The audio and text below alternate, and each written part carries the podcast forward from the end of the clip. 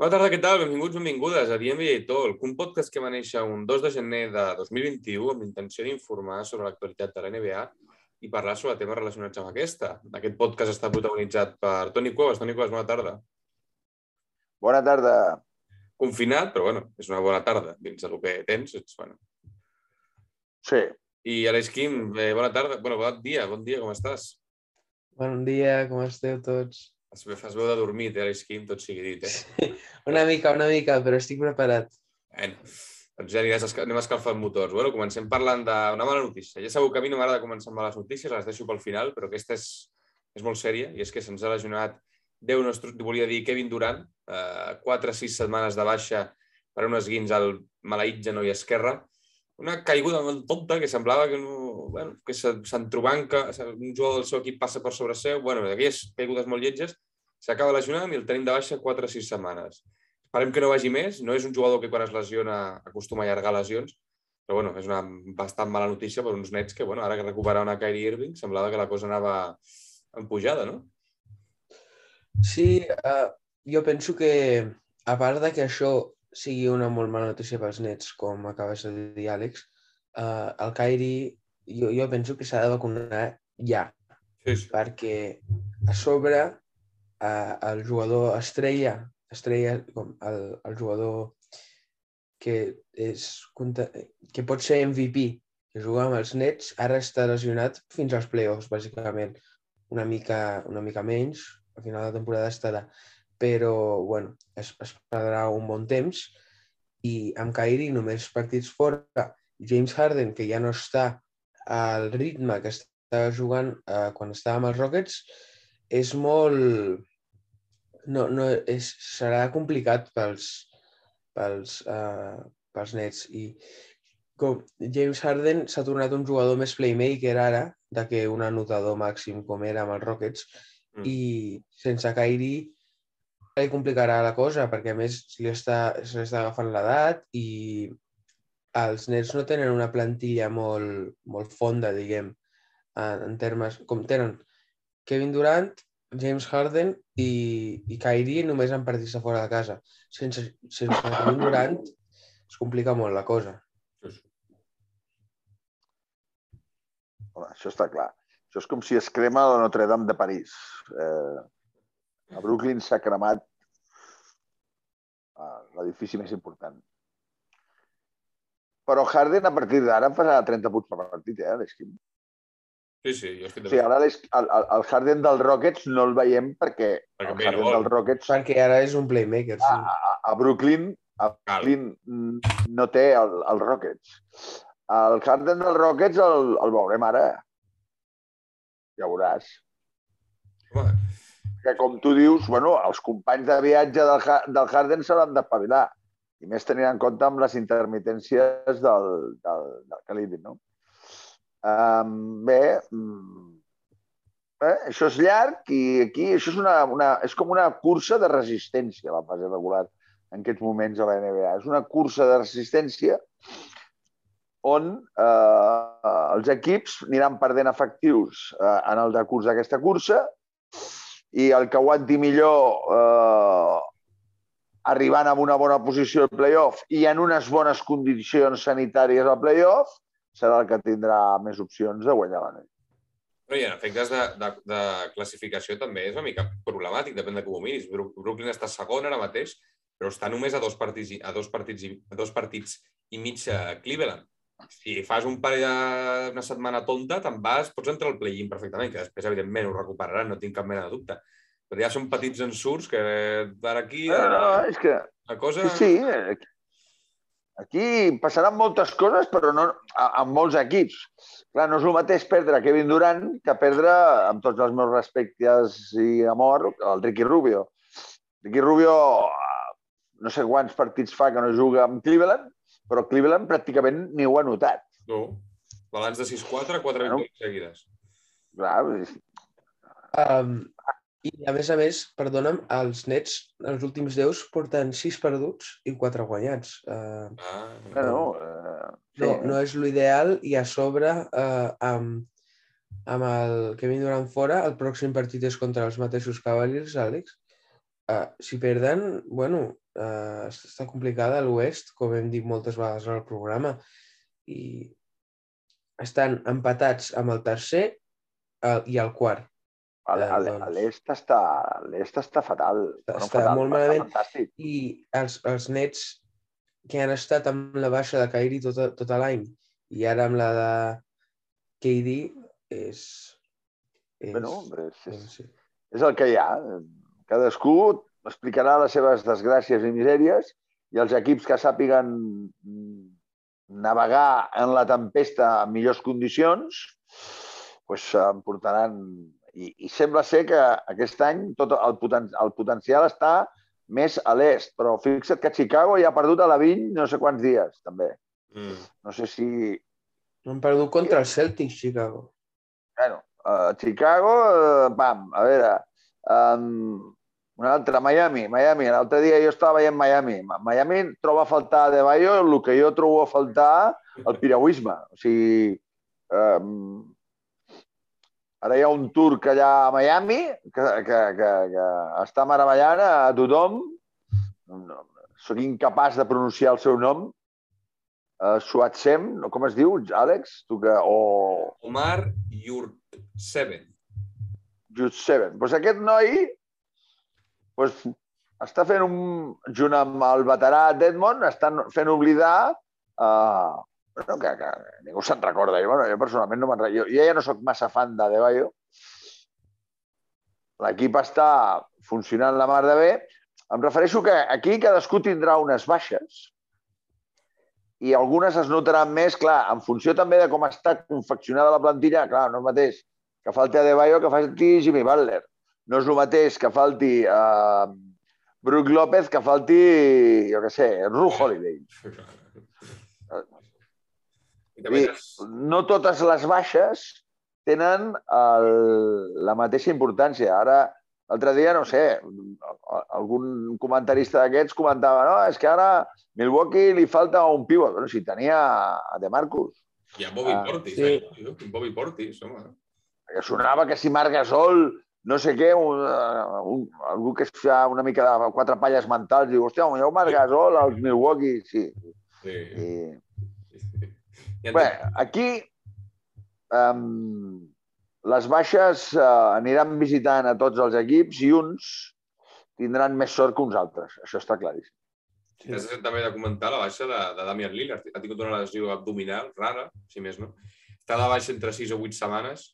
Portland, siguem sincers, no aspirava a res aquesta temporada. Estan desens i lluitarien pel play-in, que és curiós, però enfrontant-se contra els Lakers eh, en un play-in amb Lillard tocat i McCollum, que ara sí, ara no, doncs, perdoneu-me, nois, però Portland el veig... Bueno, però estem descobrint a Simmons.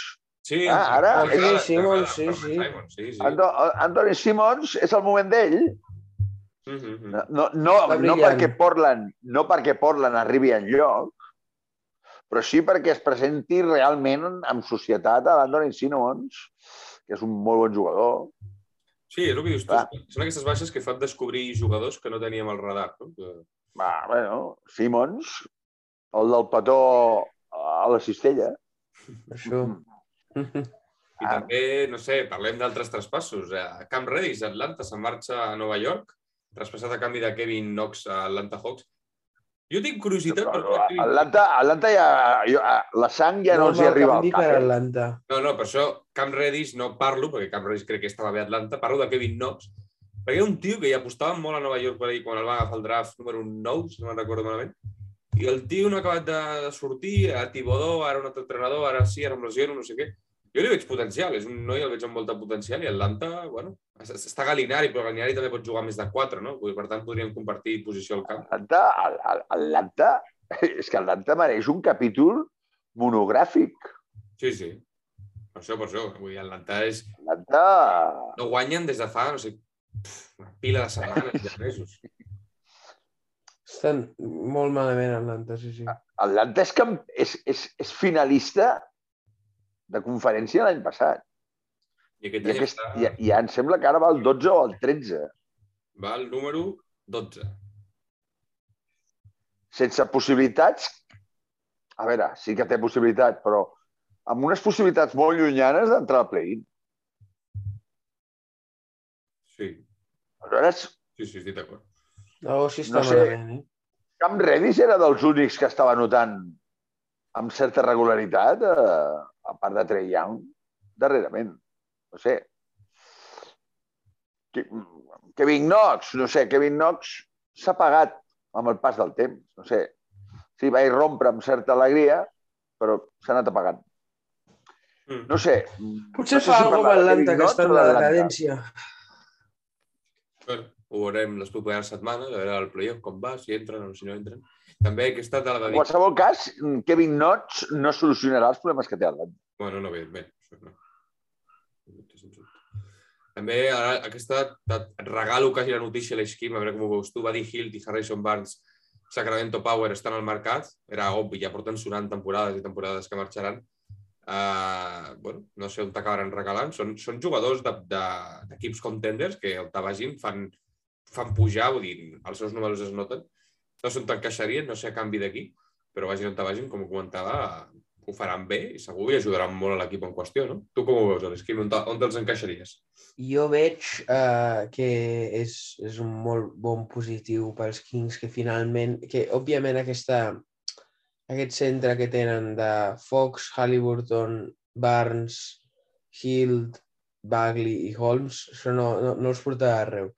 Doncs penso que és, és, és el que s'ha de fer, canviar el, el Hild i el Barnes, i penso que algun jugador com, per exemple, fer un canvi per... Jo, jo penso que el Ben Simmons seria bo pels Kings i també portar el, el Tobias Harris en aquest canvi, que els Sixers també se'l volen treure de sobre per causa del contracte. Uh, Hilt i Barnes són dos amb contractes grans um, i bueno, Simmons i Harris també, però jo penso que la, el duo de Simmons i Harris és millor de que aquests dos i si és possible ens estaria bé. Una altra possibilitat seria un jugador jove com DeAndre Hunter, per exemple. Uh, DeAndre Hunter i un pick per al Harrison Barnes a mi em semblaria molt bon canvi pels Kings i per Atlanta si volen um, fer un push pels playoffs. Um, I també s'ha de comptar amb que el Hill té molt de, molt de valor al mercat per equips grans, doncs potser intentar aconseguir alguns pics per ell. Però jo penso que la, la millor cosa que podrien fer els Kings és anar per algun jugador com Pascal Siakam com, o com Ben Simmons. Tu com ho veus? És que aquí, jo, jo, aquí s'ha de distingir entre equips que han de moure jugadors perquè l'estructura actual no els hi serveix per res. Per exemple, el cas de Sacramento. Sacramento ha de moure jugadors per millorar, no aquest any. Aquest any ja està perdut. Millorar el futur. Estan a play-in, eh, Toni? Però que no passaran de primer... Si entren a play-in, no passen de primera ronda, l'Esquim. Em sap greu dir-t'ho. Uh, Això no et puc dir que no. És així, és així. Bueno, um,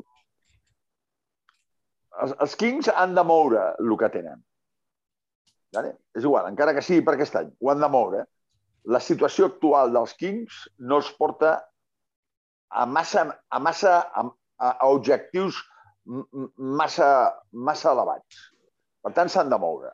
Una altra cosa és els equips que tenen jugadors a, a la nevera o jugadors fora de lloc. Per exemple, Orlando té uh, aquell anotador Collons, Terren Ross.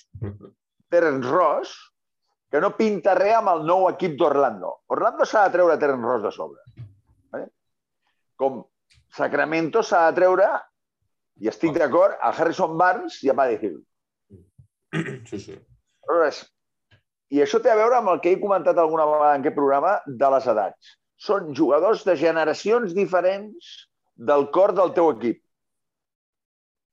El cor del teu equip té una edat i tu tens un jugador, per exemple, el, el Terence Ross, no pinta res amb els nous Orlando. Sí, tu. Bé, doncs, el, el Harrison Barnes no pinta res aquest, eh, amb el futur Sacramento. Llavors, a més a més, no pinta res que no, anem, no va enlloc Sacramento, s'han de moure. Llavors, també hi ha algun jugador por ahí. Llavors, quan es fan canvis, s'han de buscar jugadors que estan mal ubicats en les plantilles i que en tu et poden anar bé. Aleshores, no és fàcil, perquè s'han de fer encaje de bolillos allí per, eh, per trobar els equilibris. Clar, Filadèlfia té el, el cas particular de Ben Simmons. Ben Simmons és un jugador que encaixaria perfectament per l'edat que té amb la plantilla dels Sixers. Però pels motius que siguin, Ben Simmons no ha encaixat als Sixers. El problema que tenim amb aquest jugador és que Bueno, clar, ara els de Sacramento veuen que pot encaixar a Sacramento hasta la meva àvia. Però jo no veig tan claríssimament eh, a Ben Simmons encaixant amb, amb Sacramento, tot i que l'Aresquim l'ha acompanyat, clar, tio, no és tot tu, Eh, és tot de Tobias Harris. Clar, Ben Simmons i Tobias Harris. Collons, t'afirmo, jo, ja firmo jo aquí, eh? Bueno, Ben Simmons i Tobias Harris, jo els canvio, sí, perquè el que ens poden donar Harrison Barnes i, i Buddy Hill ja ho sabem. Però jo, jo Però és que jo no veig aquests dos jugadors millorant Filadèlfia. No, no, sí, sí. Jo el que sí que en clau Filadèlfia ha arribat un punt que jo si fos Doc Rivers i el general manager, que ara no em surt el nom, uh, jo Ben Filadèlfia, Daryl Morey. Daniel Morri, jo a Ben Simmons el, fot- l'envi- el traspassava per qui fos. L'únic és que... sí, això està clar, però és que a Filadèlfia només li falta una peça. Ja, un base. Filadèlfia no s'ha de trencar el cap. No, Filadèlfia no, base. no es té que desprendre ni de Tobias Harris, Mm, s'ha de desprendre de Ben Simmons i fitxar a un base bo. Sí, sí, estic d'acord. Perquè ara van amb el Maxi, que està molt bé, però per, cronològicament és molt jove. Ah. I per playoff... El, el Philadelphia necessita un Ru Holiday. Ah. Ah, que Milwaukee la va clavar. joder, i tan, i tan clavada. No fa, no, és que un jugador et canvia la plantilla. En el cas de Filadèlfia, que tens a, a, el Super Joel Embiid, tens el Tobias Harris, que fa la seva feina. Tens un equip sèrio que va rendint. Mm -hmm. Només et falta un base, a l'Urru Holiday, d'aquests bases que, que, que sembla que no, però que són bueno, d'una importància brutal. No? El cas de Sacramento ja tenen el superbase. Ah, d'Aaron Fox és un tio ja... Bueno, al voltant de De'Aaron Fox han de construir el nou, el nou equip i el, el Barnes, que és un el Halliburton, el, el, perdona, com es diu el, el, el nou rookie de Sacramento? El Mitchell. Això. El Mitchell. El Mitchell, el, el Halliburton, el Fox, el Marvin Bagley, jo no sé aquest noi què fer amb ell, Sí, no? perquè el veig de moment molt fluix. Però en qualsevol dia va cas... tenir 27 punts. Com? Està malament. Que l'altre dia va, va tenir 27 punts. I Va fer crec que 27 13 punts. Rebots. Sí. Bueno, el que costa l'NBA és ser regular. Una flor no fa estiu, ni dues primavera, diuen en- els catalans. Um, bé, això ho ha de sostenir en el temps, que és lo difícil. Sí. També volia parlar de, de com fitxatges claus. Ho he estat llegint també a Twitter. Els, els fans dels Warriors ara mateix estan trempats amb Andrew Wiggins, a l'All-Star. Crec que en votacions està, en quant a guards, està el tercer, la temporada que està fent. I és d'admirar no només el fet de, o sigui, el, el fet de confeccionar les plantilles a, a San Francisco és algú que tenen aprovat amb nota i amb excel·lent. O sigui, fitxa d'Andrew Wiggins, un tio que estava, podríem dir, no acabat, però tenia unes tempo- temporades molt dolentes, sensacions negatives, amb Carl Anthony no es portava bé, i ara el pes planta els Warriors, el tio a titular, 14-15 punts per partit, fa la seva feina, Stephen Curry supercontent, pip-pap, tots contents. I vaig estar llegint aquest, aquest uh, article perquè parlava de la possibilitat, un rumor altre que surt a la Lliga, de traspassar-lo per Carl Anthony Towns. Però jo, si fos Warriors, jo em quedava amb Andrew Wiggins i Carl Anthony Towns el deixo a Minnesota la mare tranquil. Estàs amb Kevon Looney la mar de bé, James Wiseman torna d'aquí dos dies, per tant, jo mantenia amb Andrew Wiggins que està jugant el millor bàsquet de la seva vida. Crec que esteu, d'acord amb mi.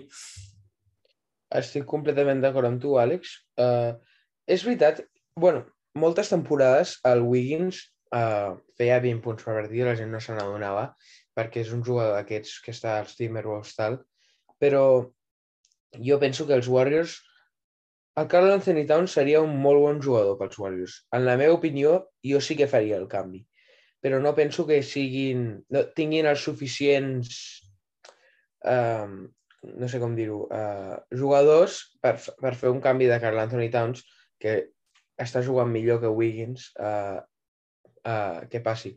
Però també tot s'ha de dir que uh, ara mateix els Warriors han de decidir si volen uh, com a jugador jove que ve el Kuminga o el, Kuminga, també el. Wiseman. I el, el Carl Anthony Towns agafaria la posició del Wiseman, que va ser un pic més alt al draft, que suposo que deuen pensar és que té més potencial, però el Wiggins està a la posició del Kuminga. I Doncs, no sé. volia afegir Jo una cosa... penso Però... que si la... Digues, digues. No, que eh, el, em quedo amb una frase que has dit a l'inici, perquè a l'inici has dit que sí, que Andrew Wiggins anotava 20 punts i ningú se'n donava compte. Sí, no, perquè, clar, anotar 20 punts a temporada regular, al primer i segon quart, tercer quart, està superbé. Però el problema que tenia Minnesota en aquells moments era que Wiggins fotia 30 punts, però els fotia primer, segon, tercer quart, i l'últim quart faltava Wiggins, o Wiggins no apareixia, o els altres eren millors que tu. I la clau, crec, dels Warriors ara és que sap cadascú quan apareix, saps? Que Wiggins sap que si ha de notar quan. Curry està a la banqueta, quan Clay no ha estat anotat. Aquesta és la clau d'Andrew Wiggins, els Warriors. És la que penso que fa l'èxit d'aquest equip. Bueno, L'èxit és que l'Andrew Wiggins no és un jugador franquícia. Per, per, Ah, els Warriors són el pes d'aquest tema el porten altres jugadors. Aquí és un complement de luxe. Mentre que a Minnesota se li demanava que arrastrés ell el vaixell. Aleshores, clar, canvia el rol. Um, I ell està molt més còmode amb aquest rol que té a, a, als, als, als Warriors. Pel que fa al que deies de Cal Anthony Towns, um, clar, tot això són moviments de... de, de...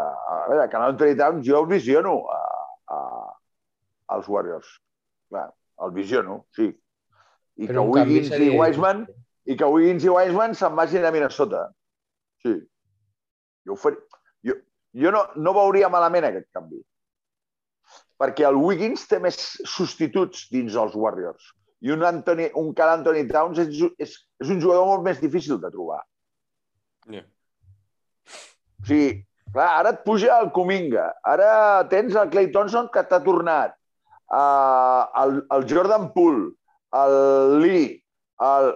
Tio, quanta Bjelica. gent que pot jugar al perímetre. Hi ha, hi ha molta gent que pot jugar al perímetre. Ah, clar, clar. En canvi, Sí. un tio com el Carl Anthony Towns no el tens.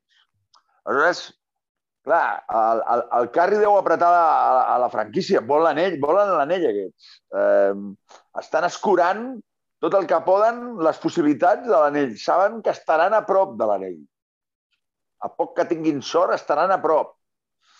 Clar, tu ara imagina't aquesta plantilla que et vaig dir jo. Ara, Wiseman i, i Wiggins els envies a Minnesota i, i tens a Cal Anthony Towns a, a, als Warriors. Supercandidats. Sí. Supercandidats. Supercandidats. Però també hi ha el perill, també hi ha el perill de que et canvies No la ha cap plantilla en un moment així de la temporada i diguem No. que Carl Anthony Towns no funciona. I No, perquè no depenen del molt Towns. Exacte. No depenen del Anthony Towns, com tampoc depenien del Wiggins i no depenien del Wiseman. No, L'estructura de l'equip no depèn d'ell.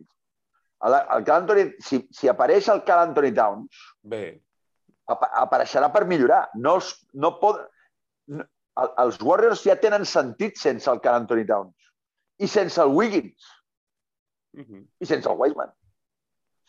Aquesta és la, la, la clau de, de tot això que estem dient. Aleshores, poden no fer res? Poden no fer res. Wiseman, el problema que té és que és molt jove. És, és, és una generació molt jove per, per aportar molt per l'anell. A, a, a l'hora de la veritat, el nen es farà caqueta. Aleshores, per guanyar un anell necessites gent amb més pèls al pit que Wiseman. El Wiggins, el Wiggins t'està fent una molt bona temporada. Però ara Warriors igual està veient que tenen jugadors que poden substituir a Wiggins. Per començar, a Clay Thompson tens ara. Ah, clar, que ara tens a Clay Thompson. Mhm. Bueno, total, que els equilibris són molt delicats i l'objectiu és l'anell. I també, el, el, un també que desentona, que no n'hem parlat massa, és eh, Detroit, Jeremy Grant. L'equip, jo Detroit el veig amb bona pinta. Evidentment, la classificació no tira coets, però és normal, equip molt jove, Kyrie Cunningham, Sadiq Bey, Diallo, que està jugant un molt bon bàsquet, la veritat. Ah, I el que sobra és Jeremy Grant. Jeremy Grant va marxar, recordem-ho, de Denver, va a Detroit, a Detroit puja, puja com l'espuma, es converteix en una, en una segona estrella, o quasi estrella, podríem dir-ho, i ara jo crec que és el moment idoni per agafar, traspassar Jeremy Grant i enviar-li un equip, no sé. Com els Kings. Bueno, potser com els Kings, algo més, algo més contender, no sé, Utah, posar Jeremy Grant a Sí, Utah, sí, per exemple. estic d'acord. Però Uh, un... posar-lo a Dallas, no sé, o posar-lo anem a la Ja. conferència est, no sé, a Filadèlfia o a, no, a Cleveland potser no, però a Miami, no sé, un equip d'aquests on que fos uh, direcció ell i fer una, una reconstrucció, que per cert, la reconstrucció de Detroit i la d'Orlando, ojo d'aquí uns anyets, d'aquí 3, 4, 5 temporades, que segur que la, la classificació està invertida i Detroit i Orlando els veiem a dalt de tot, eh? jo no tindria cap pena de dubte. Uh, sí, estic d'acord um, que Jeremy, Jeremy Grant hauria d'anar a, a un equip més contender um, perquè a, a Detroit està allà per fer molts punts, però ell per la seva carrera no farà res allà. Uh, doncs sí, un equip com Utah, penso que seria un jugador perfecte com Utah, Àlex. Uh, Perdoneu, és, és, un, és un bon encaix. teniu, teniu tota la raó, estic d'acord amb tota la vostra argumentació. Jeremy Grant no pinta res a Detroit actualment. Però això on el veig jo, Jeremy Grant, Ai, a Denver. ah, Amb la lesió de Porter Jr., el veig a Denver. clar. Vuelta, vuelta a casa por Navidad. Sí, sí. A veure, el veig a Denver perquè va marxar perquè tenien a Porter Jr. Però clar, ara Porter Jr. se'ls ha lesionat. Això és mala sort. Eh? No, no, estic criticant el, el, el, la maniobra de, de, de Denver, no la critico. Però sí que és veritat on, on podria anar a parar? On, on fa falta artilleria a, a la NBA? O sigui, a Denver. En aquest moment fa falta a Denver. I el perímetre Perquè no sé sobretot. com està el del Jamal Murray. No sé quan li queda amb el Murray. Pues li queda, li queda. Jamal Murray. Um, Una estoneta, eh? ha d'anar... Jeremy Grant ha d'anar a un equip que sigui candidat a l'anell, per rendiment immediat. I, I demostrar que els galons que ha agafat a Detroit, que per això sí que li ha servit anar a Detroit, els pot mantenir en una plantilla candidat a l'anell. Sí. Ha de ser un jugador de 20 punts per partit a- amb, una, amb un equip candidat a l'anell. bueno, és un jugador, com hem dit abans, que ha ha d'estar en el radar dels equips que vulguin canviar cromos. Mhm. És així, és així. Doncs, ai, això, i, i l'últim que no vam comentar és el... Bueno, va tornar Clay Thompson. Eh, en grans notícies que tornés Clay Thompson. Va anotar 17 punts contra Cleveland. I, joder, co- se'l veu com si tingués 25 anys, com si no s'hagués lesionat Mhm. mai. Ha estat descansant, Mhm. ha descansat el back-to-back del dijous al divendres, si no recordo malament. Però quina alegria, 941 dies després que torni a la Lliga, que torni a aquest nivell, que els fans de la Bahia estiguin tan contents, que nosaltres estiguem tan contents. És la millor notícia de la setmana, potser et diria de, de, de l'inici d'any. No? A mi jo estic superencantat de la seva tornada. Però, però fixeu-vos, evidentment és una gran notícia, però això fa moure les coses. Els equilibris s'han de retocar. Tot això que has dit de Cal Anthony Towns, els equilibris, es, es, quan reapareix Clay Thompson, apareix en, a, en un equip que estava superequilibrat. Mm. Mm -hmm. Llavors, i, i aquí està la contradicció. La presència de Clay Thompson desequili desequilibra un equilibri. Perquè les mentes pensantes dels Warriors estan dient hòstia, voleu dir que no podríem tenir encara un millor equip del que tenim ara que tenim a Clay Thompson? Ara ens sobren un tipus de jugadors, ens fa falta un altre tipus de jugadors. I si canviem aquest i aquest i, i, i fem venir aquest altre? Ah, ara, pensa que els cervells de, dels, de, de les cabezas pensantes de les franquícies no para. Sobretot quan veus que l'anell el tens a la vora. Tens un anell allà, a tocar. I, i, i, i qualsevol detall mm, cap aquí o cap allà et pot, estar, et pot fer que estiguis més a prop o més lluny. I ara ha reaparegut Clay Thompson. I això fa bullir el cervell de, de, de, del director tècnic de, de, dels Warriors, sens dubte. Pues sí, sí, així és. I no sé, ens queda una segona part de temporada molt maca, All-Star de per mig, playoffs... i veurem, veurem com acaba aquesta segona temporada. Aquesta setmana la dono per, per, per a finalitzar d'allà a l'Esquim. I Toni, gràcies per acompanyar-me una tarda més. Igualment. Pues gràcies. Uh, bueno, bon dia, eh, l'Esquim. Estàs a Sacramento? Sí. Sacramento. L'Esquim encara està dormit. Encara fa veu de dormir, no s'ha llevat. No, no, ara, ara ja estic. El podcast és, és diumenge. A Sacramento és diumenge al matí, eh? Clar, clar, clar. És així, és així. Bueno, doncs molt bé, doncs bon dia a l'Esquim, bona tarda, bon final de tarda per a la resta de persones que ens escolten des d'aquí de, des i ens escoltem la, la setmana que ve sobre aquesta hora. Una abraçada i ja adeu.